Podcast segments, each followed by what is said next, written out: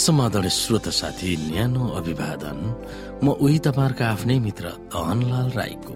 श्रोत साथी आज म तपाईँको बीचमा बाइबल सन्देश लिएर आएको छु।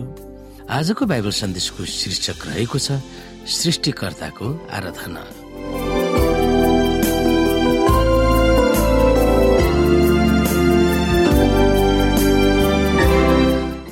श्रोत साथी यो सृष्टिकर्ताको आराधना भन्ने बाइबल सन्देशमा हामीले विशेष गरिकन अध्ययन गर्नुपर्ने बाइबलका मूल पदहरू रहेका छन्।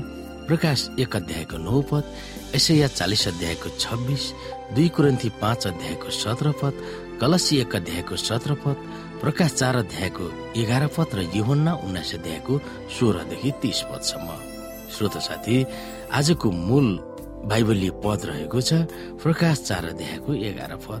हामी यहाँ हेर्नेछौ हे हाम्रो प्रभु र परमेश्वर तपाईँ महिमा र आदर र शक्ति ग्रहण गर्ने योग्यको हुनुहुन्छ।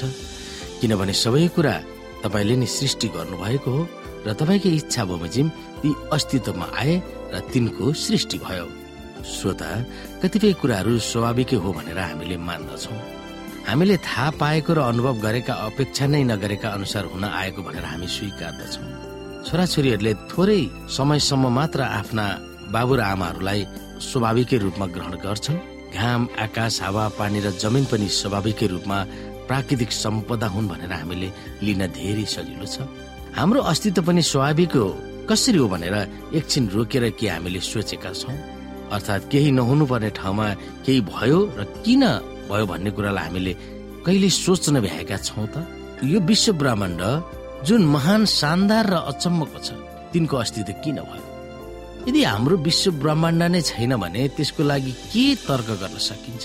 हाम्रो विश्व ब्रह्माण्डको अस्तित्व एक फेर थिएन भनेर अन्तिम वैज्ञानिकको तर्कले प्रस्तुत गरेको छ। हुन त विज्ञानको तर्क फेरिरहन्छ अर्थात् तिनीहरूको तर्क अनुसार हाम्रो अस्तित्व अर्थात् तिनीहरूको तर्क अनुसार हाम्रो अस्तित्व आकस्मिक हो र हाम्रो अस्तित्व नै आश्चर्यजनक छ।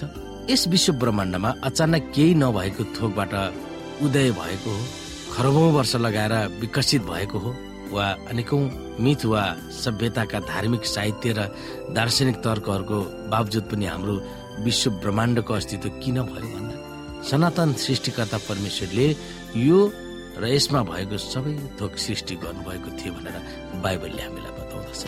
सृष्टिमा भएका कुनै पनि थोक उहाँ बिना बनिएको होइन श्रोता। जे जति सृष्टिमा हरिया वनस्पति बोट बिरुवा चराचुरुङ्गी पानी आकाश जमिन र यहाँ भएका हरेक थोकहरू यी सबै कुरा परमेश्वरको सृष्टि हो। उहाँले नै बनाउनु भएको सिपहरू हामी बाइबलमा हेर्न पाउँछौ छैटौं दिनसम्म लगाएर सारा सृष्टि रच्नुभयो र सातौं दिनमा उहाँले विश्राम लिनुभयो भनेर। त्यसै कारणले गर्दाखेरि हामी उनी सृष्टिकर्ता परमेश्वरको आराधना गर्दछौ। किनकि उहाँद्वारा जे कुरा भयो संसार रचना हामी यहाँनिर एउटा छोटो घटनालाई हेर्न सक्छौ श्रोता। कि एउटा उदाहरणमा छ एउटा घडी जुन तपाईँको हातमा बाँधिएको छ। त्यसले ठिक ठिक समय तपाईँलाई दिँदछ। जुन घडीमा तीनवटा काँटाहरू राखिएका हुन्छन्। एउटा काँटा सेकेन्ड सेकेन्डमा चल्छ भने एउटा काँटाले मिनट छुट्याउँछ भने अर्को काँटाले घन्टा छुट्याउँदछ। ताकि त्यो ठिक समयमा ठिक तरिकाले चल्दछ। हामीलाई समय चौबिस घन्टाको समयमा त्यसले हामीलाई छुट्याइदिँदछ कि कतिखेर कति बज्यो कुन समय हो भनेर हामी बुझ्दछौँ। श्रोता साथी हामीलाई लाग्छ कि त्यो घडी आफै भयो। होइन श्रोता त्यसको कुनै सृष्टिकर्ता छ। त्यसको पनि कसैले निर्माण गरेका हुन् योजना गरेका हुन् र ठिक समयमा त्यो आफ्नो दौरानमा चल्दछ।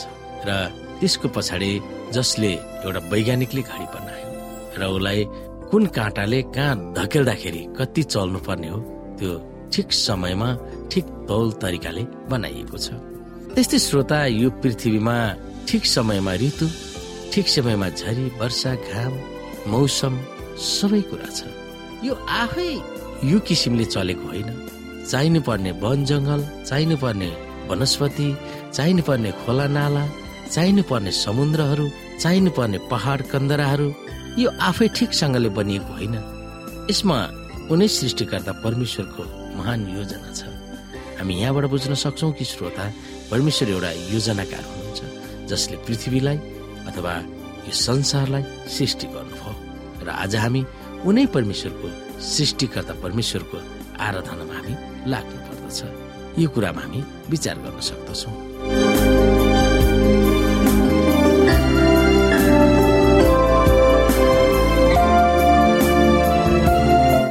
श्रोता साथी आजको लागि बाइबल सन्देश यति नै। हस्त नमस्ते जय मसिंह।